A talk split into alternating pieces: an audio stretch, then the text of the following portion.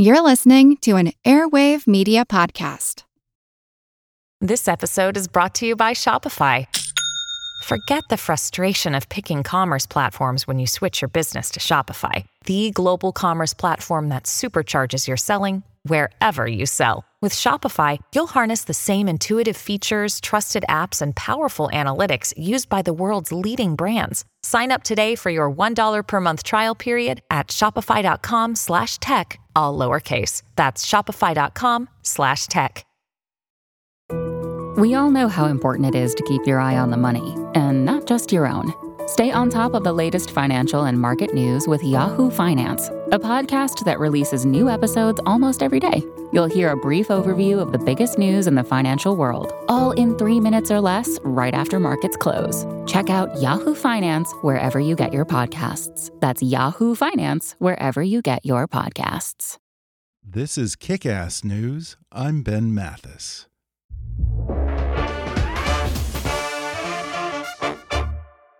What makes a data breach the worst breach of all time? How about losing our social security numbers, the keys to our identities? How about losing 145 million of them?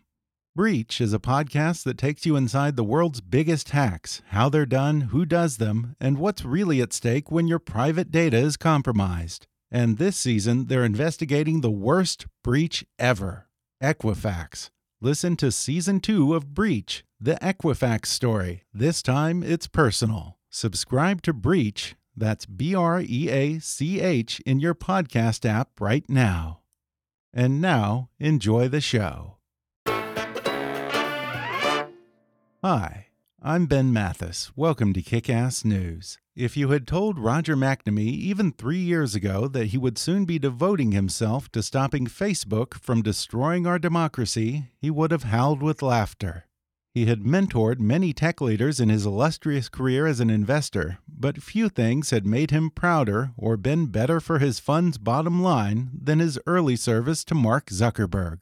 Still a large shareholder in Facebook, he had every good reason to stay on the bright side, until he simply couldn't. Now he warns that the social media platform is a threat to democracy, privacy, competition, and even public health in his new book titled Zucked Waking Up to the Facebook Catastrophe. And today, Roger comes on the podcast to discuss how he became an early mentor to Mark Zuckerberg, convincing the young mogul not to sell the company in 2006, and introducing him to the woman who would become Facebook's powerful number two, Sheryl Sandberg. He talks about the first warning signs that not all was well at Facebook and what happened when he brought his concerns to his old friends. He does a deep dive into the role that Facebook played in the 2016 election, how its algorithms are actually designed to polarize and spread disinformation, and how Russian trolls and companies like Cambridge Analytica were able to exploit those flaws. Roger shares how Facebook employs tricks from psychology and slot machines to keep us coming back for more, and why it may be a tough sell convincing people that some of their favorite features aren't good for them. Oh, and if you think Facebook is free, think again. He says you're paying for it with your personal data and even that of your friends and family. Coming up with Roger McNamee in just a moment.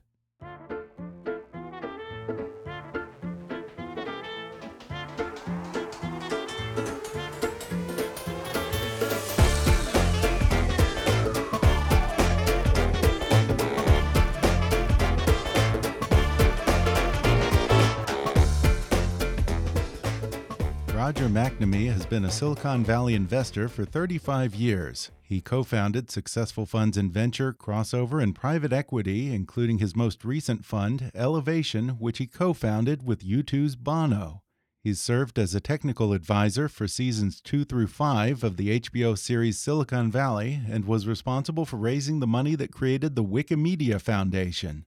Roger was also a mentor to Mark Zuckerberg and an early investor in Facebook, but now he says he's lost faith in the company and its founder in a new book called Zucked Waking Up to the Facebook Catastrophe. Roger McNamee, welcome to the podcast. It's really good to be here. Well, first of all, Roger, uh, can you talk about your background in Silicon Sure. Valley and how you first came into contact with Mark Zuckerberg, or Zuck as you call him, uh, way back in what 2006? Huh? So I first arrived as an investor in Silicon Valley in 1982. And if you've ever seen the movie Apollo exist back then? if you've ever seen the movie Apollo 13, this was the Apollo era of Silicon Valley where Yeah. the government was still the primary customer. You know, the space shuttle was the hot thing going on. There were also defense electronics and all. The personal computer industry was in its earliest days and hadn't really become a thing yet. So I was lucky enough to be there when all of that began. And it happened that I was a musician. I, you know, helped to support myself in school by playing happy hours. And it turned out that the people who started the personal computer industry were all my age. We liked the same music, we liked the same things. And so um, I got welcomed into this thing in this really weird way because I knew like 200 songs and nobody else knew more than a few songs and no more than a verse and a chorus. So I wind up getting folded into the business early on. I learned the industry. Um, in those days, I was at T. Rowe Price in mutual funds. I was the tech analyst. I was lucky enough to start the first day of the bull market of 1982 and had this glorious ride. I started my first firm inside the venture firm of Kleiner, Perkins, Caufield, and Byers, the people who then in the 90s went on to finance Netscape and Google and Amazon. So I was really, you know, a little bit like Zelig or Forrest Gump. I was sort of in the right place at the right time over and over again. It sounds like it. Tell us about your first meeting with Mark Zuckerberg. How did that come together? So in 2006, Facebook is two years old. They just finished a year with nine million in revenues, which was mostly display ads for like pizza parlors and things. It was really not a business yet. They didn't even have newsfeed. They just were a Facebook. It was picture and, and your address and all that kind of stuff. It was only available to college and high school students. And I get an email from a senior executive there who says, My boss has a crisis. He needs to talk to an old hand who can be objective, but also, you know, private, not share it. It's a really serious problem. So Mark Zuckerberg comes to my office. And what you have to understand is I just started Elevation with Bono. And one of our partners, John Riccitiello, had been the president of Electronic Arts, the video game company. So we had one conference room dedicated to video games. And it was soundproofed because we had this giant stereo and giant TV and all these video game machines. And, uh, you know, people wanted to play them during the day. It would just completely distract the office. And so it was totally soundproof. So he and I are meeting in this thing. It's set up like a living room. And I say, Mark, before you say anything to me, I got to give you some background because once you start talking, you'll think that everything I say is affected by that. And I said, look, if it hasn't already happened, either Microsoft or Yahoo is going to offer a billion dollars for Facebook, which of course would have been an outrageous number. And everybody you know is going to tell you to take it. Everybody, your parents, the board of directors, all your management team. And they're going to tell you they'll fund your next thing and you'll have 650 million bucks so you can change the world and and I said, dude, all of that is true, but I think Facebook's really special. I think even at two years old, even at this tiny little thing, you have this idea and you've married it to two things that I think really matter authenticated identity. Because you had to come from a school, you had to be authenticated. And what that meant was that they weren't going to have a troll problem, not the way that Yeah. MySpace and Friendster and even AOL had had. Anonymity bred trolls. And they gave people real control of privacy. And I thought that was going to make create trust, which was really going to be important. So I was convinced it was going to be as big as Google was at that time, which, I mean, there weren't very many people who thought that. Well, and, and I mean, they, you know, they're a private little tiny company, Yeah. and and he was 22 years old, right? It's not like people are looking for companies right. backed by 22 year olds. Right. In those early days, Wall Street and Silicon Valley were still trying to figure out where the value was in social media. Uh, so, what was your advice to him in that meeting? I just said, look, if you sell the company, whoever buys it's going to wreck it. And I just think if you believe in this dream, you should go for it. It took me about two minutes to say that. What followed that was amazing. I've just laid this really heavy thing on him, and I'm thinking, okay, well, he's going to come back at me. We're going to have a real conversation. Instead, total silence. And he goes through these thinker poses, you know, hand on chin, you know, hand on forehead, look up to the right, look up to the left. At the one minute mark, I'm thinking to myself, wow, he's really thinking about this. This is like, you know, I'm used to people not listening. This is pretty cool. yeah. But pretty quickly, I realized this is actually very weird. At the two minute mark, I'm going, this is really weird. At the three minute mark, I'm getting really uncomfortable and my fingernails are starting to carve into the furniture. At four minutes, I'm ready to scream. Yeah. And it's sometime in the minute after that, he finally relaxes because he's been trying to decide does he trust me? Interesting. Okay. And he basically goes, That's why I'm here. You won't believe this, but everything you just predicted has just happened. Hmm. How did you know? I go, I didn't know.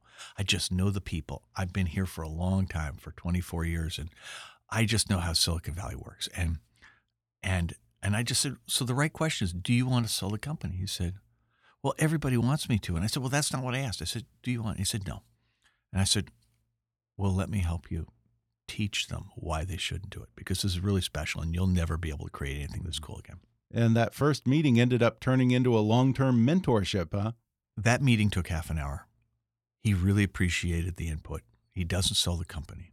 He goes home and he invites me to come visit the following week. And that begins a three year period where from 2006 to 2009, I meet with him at least every month and sometimes multiple times a month. And his problem was that once his management team said they wanted to sell the company, he needed a new management team because they obviously didn't believe in the vision. What I wind up doing is helping him with all the management issues. Right. And in particular, your other key contribution to Facebook's success was that you introduced Zuck to Sheryl Sandberg. How did that happen? In 1999, I was helping my favorite rock and roll band, the Grateful Dead, deal with keeping 60 employees who'd worked on their tour for, at that point, 25 years, 30 years. And they didn't have a tour because Jerry Garcia was dead. They were trying to support everybody by selling merchandise over the web. And some guy brings them a real estate deal. And I didn't know anything about real estate, but I was helping him essentially take the technology that they had and syndicate it so that every band could join in, use their infrastructure to sell directly to their fans. It was a Huh. great thing for bands. U2 finds out about this, and Bono wants to learn about it because you know I've been talking to American bands, Dave Matthews and Pearl Jam, and you know Phish and Bob Dylan and you know, all sorts of people. But U2 finds it, and so Bono is at that time in 1999 working with the U.S. Treasury Department to arrange forgiveness of debt from third world countries that would never pay it back Africa, Asia, South America. The woman he's working with is Sheryl Sandberg, chief of staff to the Secretary of the Treasury. And she says, Wait a minute, I know who that guy is. My brother works, uh, sorry, my brother in law, his sister, her sister's husband, works for him. So she connects me to Bono. Bono and I become partners. So when Mark's looking to get a new number 2 Mhm.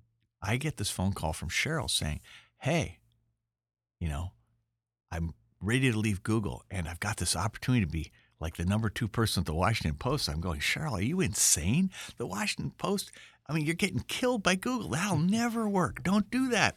You should go to work at Facebook. And she goes, wait a minute. He's 23. I can't go to work there. And then I call Mark and I go, hey, Mark, I think you should hire Sheryl Sandberg. And he goes, she works at Google. Like somehow that's a problem, The- right? the And I'm going, hang on. He Yeah. goes, it's nothing like Facebook. I'm going, no kidding. But what's closer? Anyway, I talked to her. I explained to her that Mark's mom is a doctor and her he only has sisters. I think he's going to be cool with a woman. I talk to Mark and go, hang on. Sheryl's the most brilliant executive I've, I've met in years. She's going to be good for you. They finally get together. It turns out marriage made heaven. So the two things I did for Mark were helping him find a way to keep the company independent and then introducing him to Sheryl. And without those two contributions of yours, who knows if Mark would even have the company today? And he almost certainly wouldn't be one of the five richest people in the country. So, when was it that you felt that Facebook was in pretty good hands and your job as a mentor was done? So I'm super, super proud of the company. Yeah. And in 2009, it becomes pretty obvious that they don't need me anymore. The thing I'm good at is the early stage stuff. So I'm pulling back and I'm just in the, I'm a cheerleader, right? Yeah. Totally love it. So then, when at that point did you start to sour on the company? I, so I didn't. I'm, I'm Okay. like, I, I'm blissfully unaware that there are issues. I mean, there were a couple of really important signals, and candidly, I didn't make the right connections. And I get Okay. really angry at myself because I'm an analyst and my job is to make weird connections. And there were a few signals, but I missed them. The truth is that the original design was brilliant and the people were really smart. And the incredible thing is how long it took before real problems became mm-hmm. obvious. So it's 2016, and I've actually retired from the investment management business. The culture of Silicon Valley is changing in ways I didn't like. And I thought Facebook was the exception to the rule, that they were the one that wasn't on the bad culture. Naive me. Was it the election that woke you up to this, or what was the turning point for you? 2016, I noticed a series of things. First, in the New Hampshire primary, you know, uh, essentially people using a, a, Facebook group to post really malicious uh, political content and spending, it appeared they were spending money to get friends of mine to join this group. And I'm going, why would somebody do that? And then there was a thing related to Black Lives Matter where massive violations of civil rights of people who expressed an interest in Black Lives Matter done by a company using Facebook's advertising tools to gather the data. And I'm going, wow, that's huge civil rights violation. Then the UK has a vote on the Brexit referendum in June of 2016. Yeah. And I look at that and I go, what if that outcome was influenced by Facebook? What if it was possible that Facebook's advertising tools allow campaigns with a really malicious, nasty, fearful message, which is what Leave had. They were blaming everything on immigrants. And I said, what if that gave you an advantage? What if that stuff was more viral? Because there was at least, I already knew there was at least some conditions where that might be true. Mm-hmm. And then in August of, of 2018, first we hear about Manafort, and then the, the uh, Housing and Urban Development cites Facebook because their advertising tools allowed for discrimination in housing and that becomes public in October. And I write an opinion piece for a tech blog called Recode. And I basically say there's something wrong with Facebook's business model and algorithm. It's allowing bad guys to hurt good guys using the same tools that make the advertising so effective. But you didn't publish that op ed, did you? What did you do instead? Instead of publishing it, I send it to Mark and Sheryl. And how did they react? Well, I mean, they reacted the way I would have expected, which was to okay. say they got back to me right away, but they go, Roger, nothing to see here. This is like, this is not a systemic problem with our business model. These are just isolated things we've taken care of. But we value your opinion, and we're going to hand you off to one of our colleagues, a guy you know really well, and you guys can figure it out. And so I, for the next, so this is October 30th. The next few days, I'm talking to this guy, Dan Rose, and we have these conversations. Go, Roger, the law is really clear. We're a platform, not a media company. We're not uh-huh. responsible uh-huh. for what third parties do. And I'm that's going, right. Dan. That's how internet companies get away with everything. Well, and I'm going, Dan. I don't, right. I don't think that's right. Then the election happens, yeah. and I go, I go completely ballistic, and I go, dude, you sitting there and saying the law protects you, but Facebook is about trust. And if the people don't trust what they see on Facebook, if they don't trust your motivations, the mm. law can't protect you. Yeah. I think you need to do it Johnson and Johnson did when that dude poisoned bottles of Tylenol. You need well, they to recalled them all, didn't they? Exactly. They took well, them all off the shelves. Facebook, well, hang on. No, no. But what they did was they said they were going to protect their customer. Mm-hmm. What they did was they said we're going to bear a financial cost. They didn't put the poison in there, but they said these are our customers. We're going to protect them. And in the process, they built this massive trust that was worth so much more than what it cost them. And I thought Facebook could do something like that. And it would do that by cooperating with the government, giving them access to all the data, figuring out exactly what happened, then warning all the users of Facebook who were touched by interference and saying, You are touched by interference, right? Here's what it was. This mm-hmm. looked real to you. It looked authentic, but it wasn't. We missed it. We're really sorry. Okay. I thought that was the right answer. I spent three months trying to persuade him. And he's like, he, he, couldn't have been more polite, but it was also, he, I, I mean, I didn't move me in a millimeter. and so I finally give up. And that's when I realized I didn't understand it well enough. I needed to find allies. And I start mm-hmm. searching. And I first find yeah. a guy named Tristan Harris. And I learn all kinds of things. Well, I want to go back to what you were talking about about how Facebook creates this fertile environment for this sort of thing.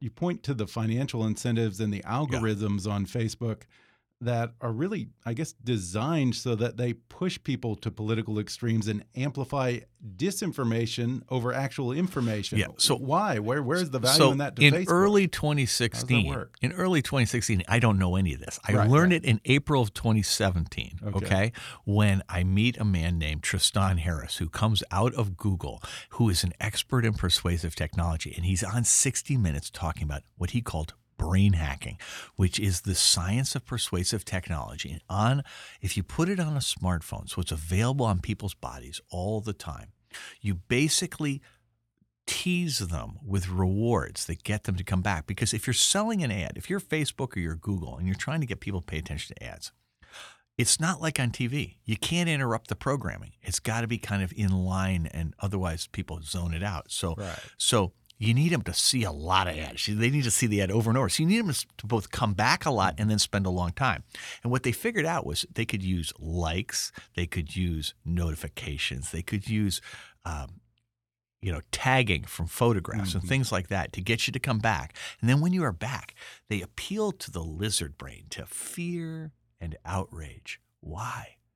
You say, well, why not just do happiness? Well, it turns out that one person's happiness can be somebody else's, you know, can be cause jealousy or resentment.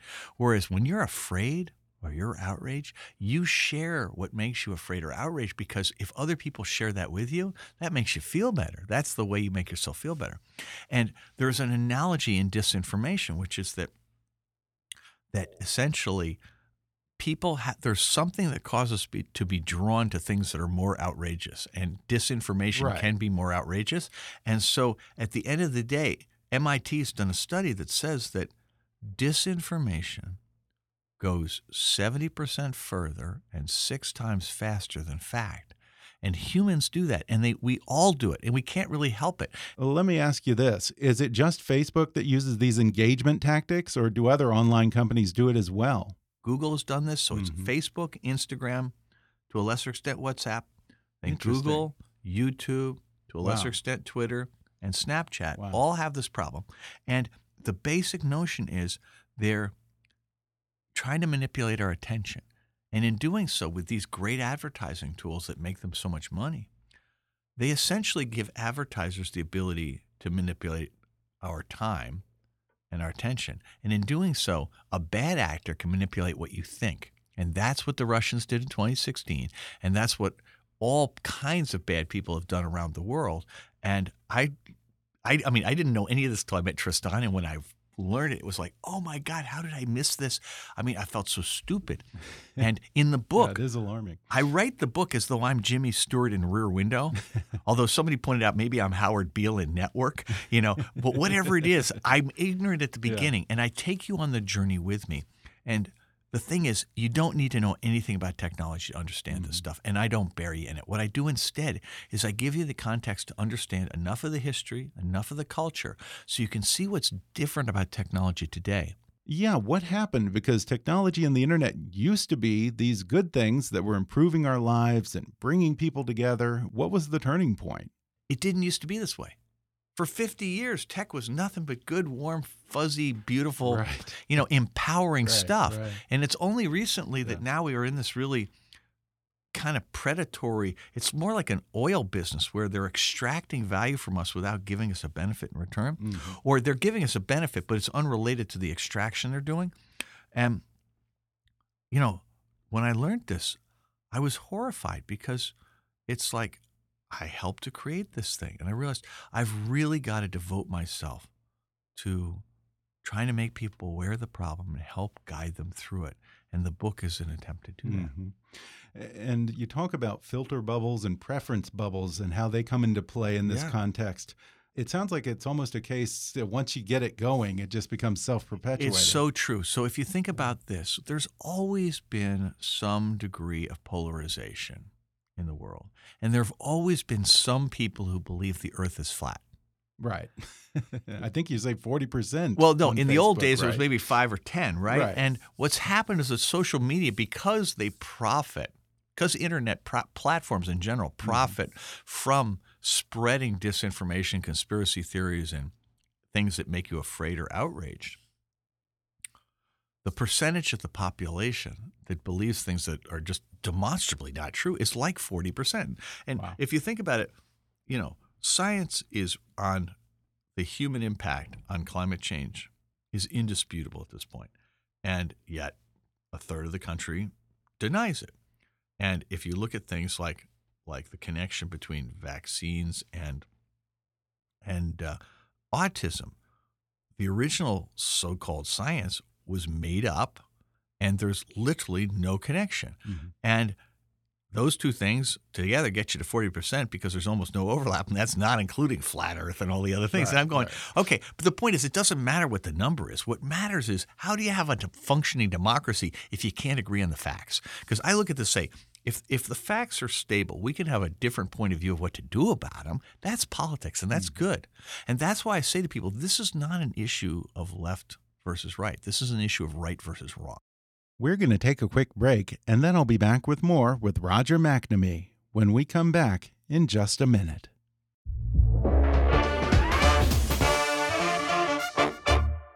It happens to the best of us. Right before a big deadline, or just when you're printing handouts for a key presentation, the printer runs out of ink.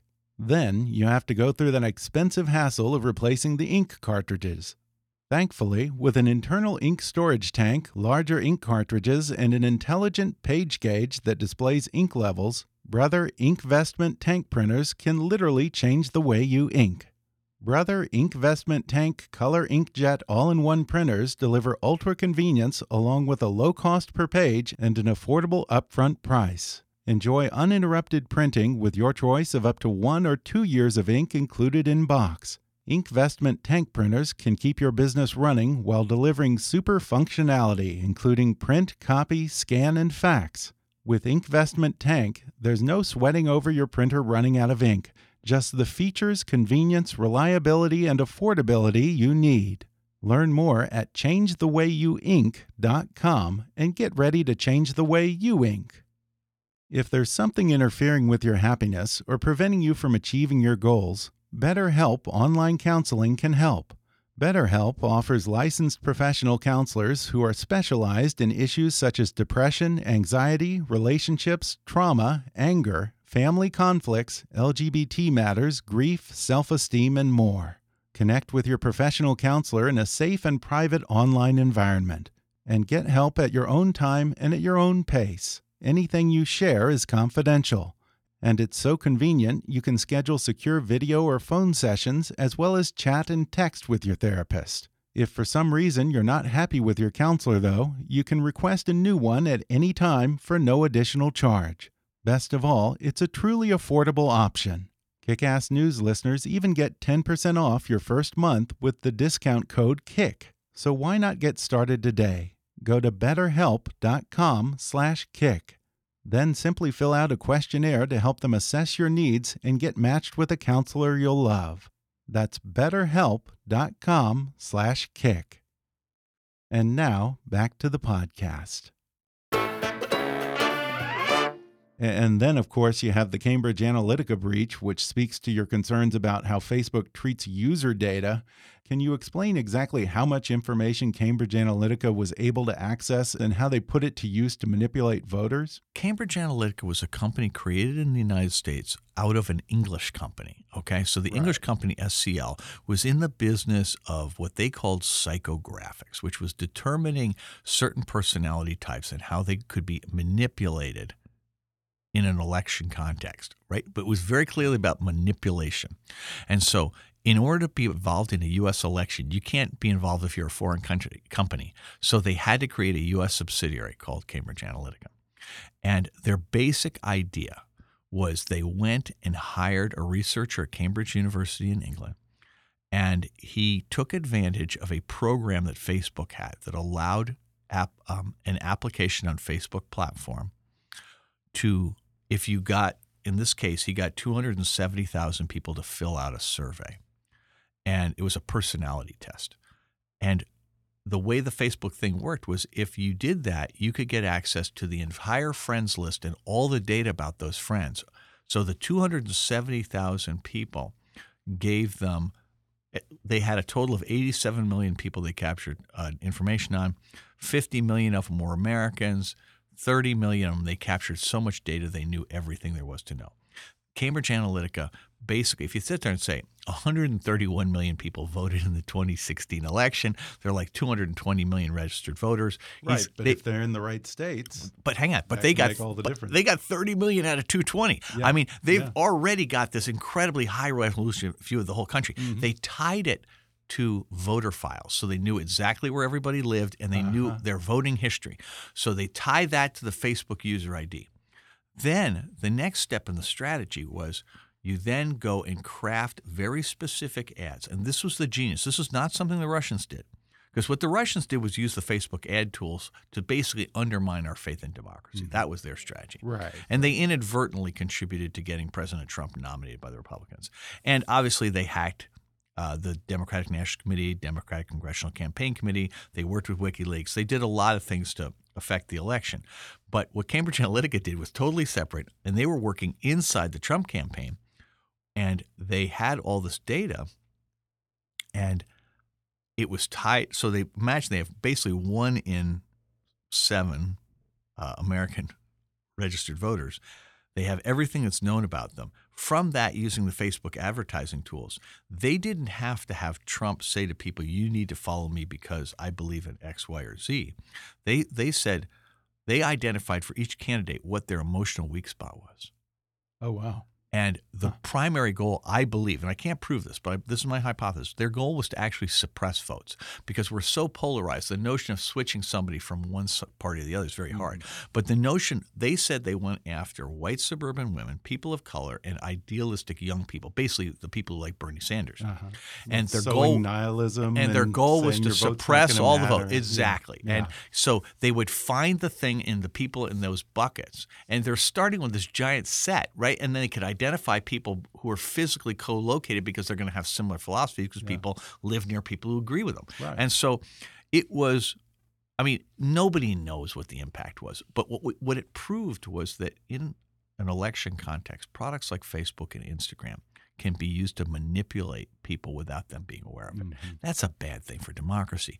I'm I'm sitting here going, look, I don't want to relitigate 2016. What I want to do is protect future elections. And so what my team did was to try to get Congress to engage both sides and recognize that any country can do what the Russians did, and any party, any person can do what Cambridge Analytica did. And nobody should be allowed to do that. I mean, President Obama did something that was not as uh, cynical as what Cambridge Analytica did, but they did something that that used many of the same techniques, and it shouldn't have been legal for them either. Okay, I just don't think I I think that we want elections to be about rational, informed debate. Right? There are real issues in the country. We should be talking about that. We shouldn't be figuring out if you're afraid of, you know, alligators and then Yeah. saying the other guy's going to put an alligator in your kitchen. To your broader point about how these companies like Facebook use personal data, it seems like the public either doesn't have a concept of what's going on or why they should be concerned. In fact, it almost seems like people have a certain attitude that they're not paying for this service, so they're fine with this unspoken agreement that their data is the currency with which they access these quote unquote free platforms like Facebook and Google. So, how do we get people to take more ownership over their own data and an active role in protecting their own privacy? technology has advanced in ways that we haven't had a chance to catch up to. And if we think about this in the sense of data and privacy, everybody says, to me, Right. Roger, I, my data's out there. I can't get it back. That's true. And they say, and I'm a good guy, so I got nothing to worry about. And I go, well, you may be a good guy, but you have a lot to worry about. There's a there's a a thing called a behavioral surplus. And this is a technical term that's used to describe the things that data tells us, not about you, but about the people you know and people who are like you. Even people who aren't on Facebook, right? This is absolutely correct. And so what's going on now is that data that we used to allow to be shared because it didn't matter. So think about this like it used to be okay to share your financial data, credit card data, mortgage data and all that because basically it was only used by people to make your life better. But now it's being used to construct this really detailed image of you that may be used to affect other people's lives and provide no benefit to you at all. And the same thing is true of geolocation data. So your cellular company will sell anonymized geolocation data, but anybody like Google or Facebook who knows your movements on the web can figure out which one is you, and then they tie it to your financial data, and you don't even need to be on there, and they know exactly who you are. And the, what I say to people is the problem with all this data is is that the the game has changed. I think we need to ask some questions again that we haven't asked for 30, 40, 50 years. Like, why is it that people are allowed to sell our financial data. hmm I mean, it's not obvious to me that that's a good idea at all. Yeah, Why are they yeah. allowed to sell our geolocation data? Why are they allowed to gather and sell data about minors? Now, every time Facebook is caught violating users' privacy or manipulating the information they read, Mark Zuckerberg usually gets off the hook by simply saying, Sorry, we'll do better next time. Why has that been enough to keep regulators off their back so far? I think the real reason is that for 50 years, technology just made our lives better. Hmm. So we had learned to trust it. And from a regulator point of view, the people who use Facebook love it. And for really good reason. I love Facebook. I mean, right. I love sharing pictures. I love, you know, seeing what my friends are up So to. wait, so you're on Facebook Yeah. yourself even now? I have to be because Okay. I mean, first of all, I got a band, my rock and roll band. We we built our entire community on Facebook, so I'm kind of stuck. Okay. But not only that, I just wrote a book called Zucked, which where my target audience are people who are on Facebook and, and Instagram, Right, and and, right, and I want to reach them. You haven't been banned since you published the book? no, no, no. Okay. But but but Alright. but. I will say they've had a few moments where they thought about it. Oh, they've Oh, really? quite, ob- yeah, no, they've banned individual things and then unbanned them. Oh, interesting. Yeah, yeah, yeah. Wow. But that's okay. Okay. I mean, you know, I, to- I totally get all that stuff. And so what I have done though is I've stopped using Google. Oh, really? Yeah, I turned. What do you I, use it- I was? I was struggling. You know, Google has a million different products, right? They got search, they got maps, they got um, email, they've got you know they've got uh, applications. You know, they have all these different things. And I thought to myself, in the future, Google's going to be a lot scarier than Facebook Mm-hmm. because they're all over artificial intelligence. They're all over, you know, these uh, smart devices like Alexa and Google Home, and you know, because even in Alexa things, they use the Google Android operating system, and that stuff is terrifying to me. You know, letting letting something that's listening all the time into your house is terrifying. Into your Yeah. bedroom is insane. These things are incredibly hackable. You know, they're made by Chinese companies that our government tells us to be very afraid of. You know, there's lots of reasons not to let that stuff happen. So I was very afraid of Google. I turned it into a video game. You remember Frogger? You Yeah, know, you're the yeah, frog. You got to yeah. hop across the old river by. Yeah. by going across logs. So Google for me is the river, Okay. and I use the DuckDuckGo search engine. I use Ghostery to block tracking bits that people use to track me around the web. Yeah. I use the Apple Safari browser, or yeah, browser. I use Apple Maps. I use Microsoft Email. I use Microsoft um, application software. Uh, I use one password to log on to everything, and I play this game. My high score is two months. When I fail, it's almost always for the same reason. I'm on the web, I'm looking up a restaurant, Uh-huh. and I inadvertently hit the map, and Oh, it's no. a Google map, and I'm back in the river. But the thing I would say to people is, is we have so much more power than we realize. hmm Well, how much of the problem is the corporate culture at companies like Google and Facebook, and how does that play into how they address, or in many cases, don't address these problems? I started looking at Facebook, but this problem is way bigger than Facebook, and it's really the whole data economy. So Okay. it's it's internet platforms like Facebook, which Mhm. owns Instagram and WhatsApp. It's internet platforms like Google, which owns you know YouTube and a bunch of other things. It's Snapchat, Twitter, but it's also the credit card processors who sell your data. It's the cellular companies who sell your data. It's you know the data brokers who sell your data. There is a lot of people we need to be thinking about here, and the culture of these guys is really similar to the culture in the whole economy, which is for 38 years we've been deregulating and letting things just happen, and for a long time that worked out really well. But now we're in this place where all the power is built up in a really small number of hands, and it's time to start to share the benefits of the economy with everybody. If I if I could magically wave a wand and you know give both Mark Zuckerberg and uh, Larry and Sergey, the founders of Google, the opportunity to have a good night's sleep and wake up and have an epiphany in the morning, I just would want them to understand, guys, you won, right? You know, you could start a foundation, try to save the world, but it'd be a lot more powerful if you did it by fixing your companies, Mhm. right? Okay. Yeah. Yeah. right? True. Go to go to the source of the problem. Yeah. Now, I'm not expecting that to happen. I'm always hopeful. So what I want us to do is the rest of us just just sit there and do the same thing that teachers in Los Angeles did, the same thing that that teachers did in other parts of the country, the same thing the air traffic controllers did, which is to say, you know what? What's going on here isn't right. It isn't fair. It's not in the national interest. And we have a lot of power. Let's just flex a little bit and see how it feels and see what happens. And I'm super optimistic, and I just want to thank you for giving me a chance to share with your listeners. My pleasure. Because this is this stuff really does matter, and we can do this. I can just tell you, I know two years ago nobody was listening, and now everybody kind of knows there's a problem. We're still trying to figure out how it affects us. We're still trying to figure out what to do about it. I'm still looking for answers. But what I know in what I've written in the book is that that there's a lot of things we know now that you can learn real quickly. Yeah. And some of them will work for you. Some of them may not. That's fine. Don't do those.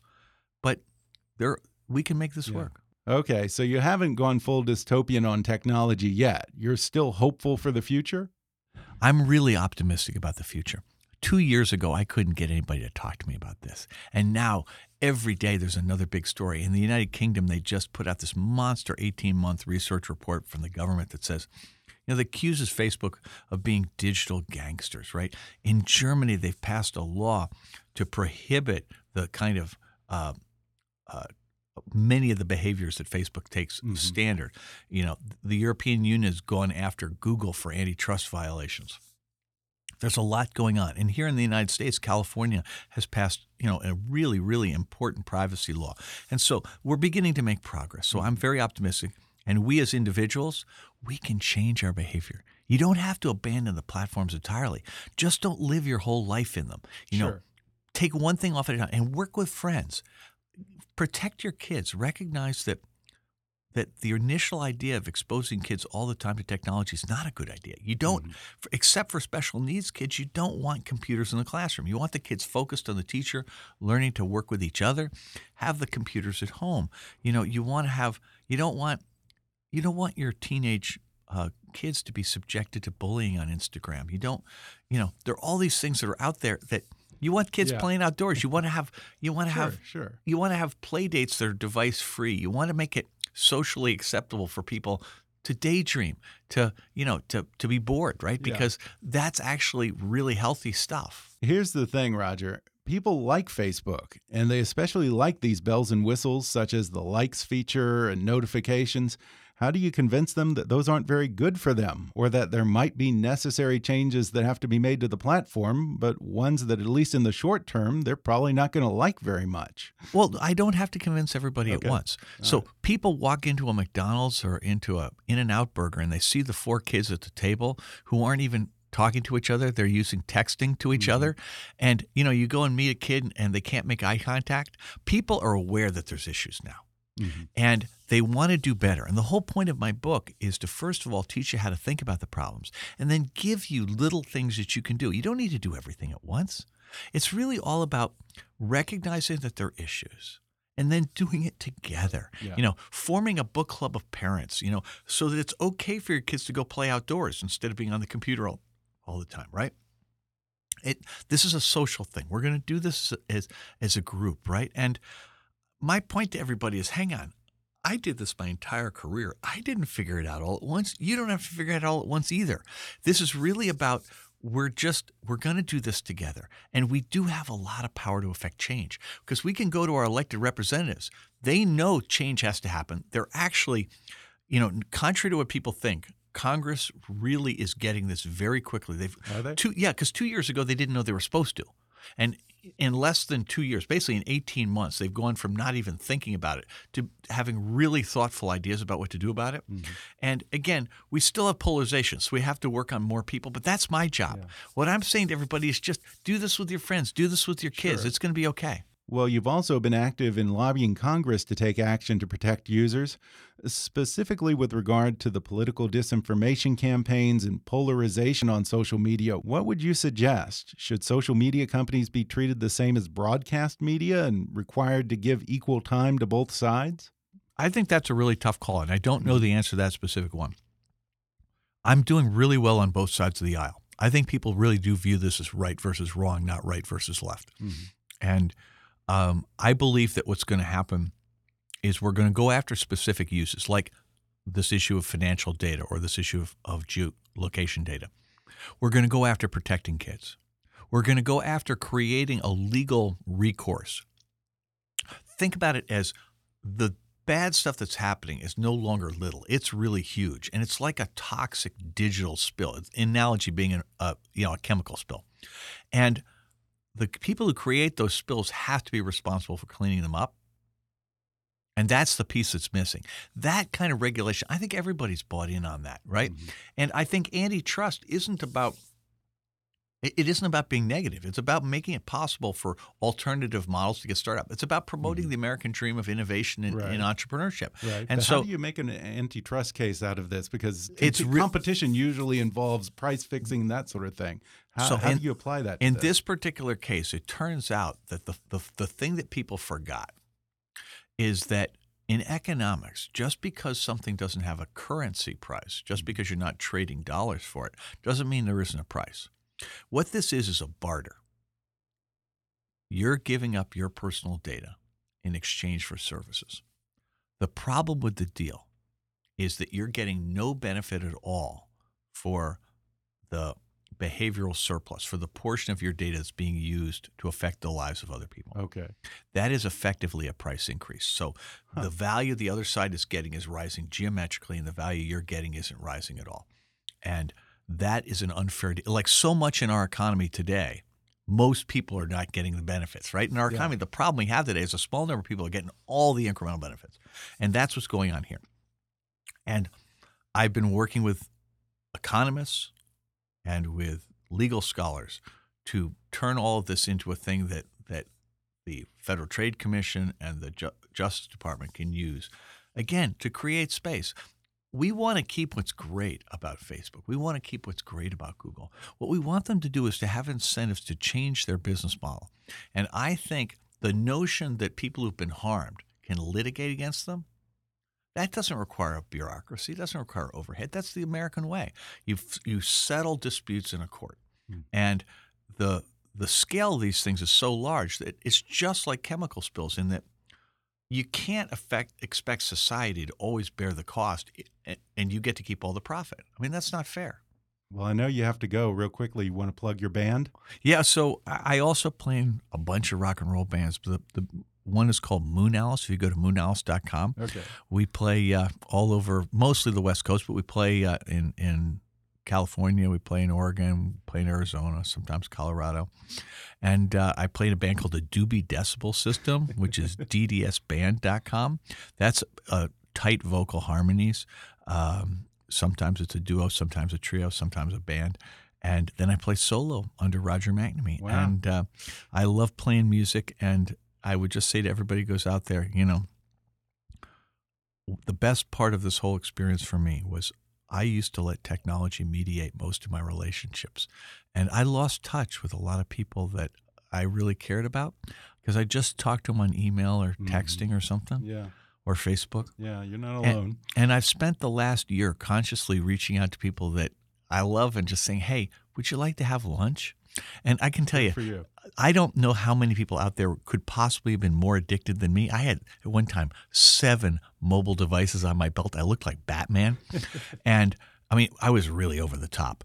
And I'm not cured because from addiction you're never cured, but I'm I'm enjoying my life because all these wonderful people are back in it. And you and I are here today. We're having a real interaction, right? Face to face. Yeah, yeah, and, imagine that. And, well, no, but if you guys could be here with yeah. us, his office has got all these amazing magic posters and books about. I love magic. And I like I knew the names of all of these magicians from the turn of the century in the early yeah. 10s and 20s and it's like That's unusual. Well, but I'm just saying I've I've now found somebody yeah. I would like to stay in touch with because Definitely we have an interest completely unrelated to what we're talking about here and I know way less than he does about magic and I'm always looking to learn more. Well, we'll have to do that. And once again the book is called Zucked: Waking Up to the Facebook Catastrophe. Roger McNamee, thanks for talking with me. My pleasure. Thanks for having me.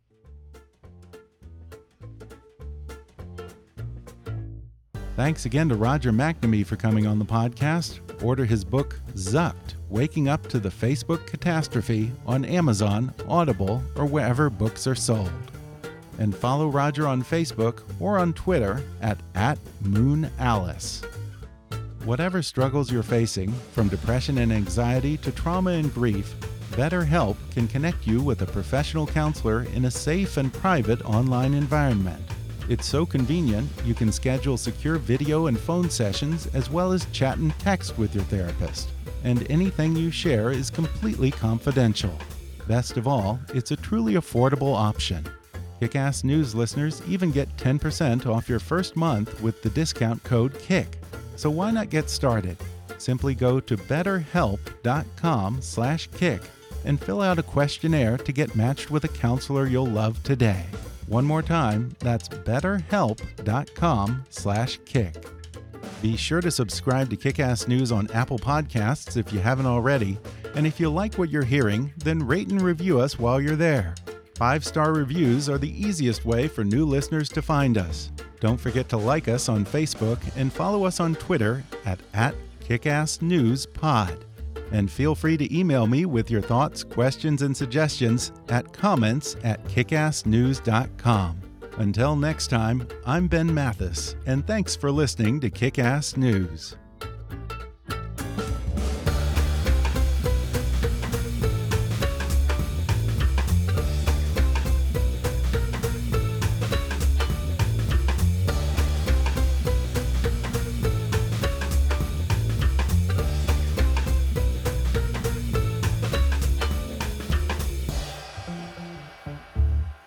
Kickass News is a trademark of Mathis Entertainment, Inc.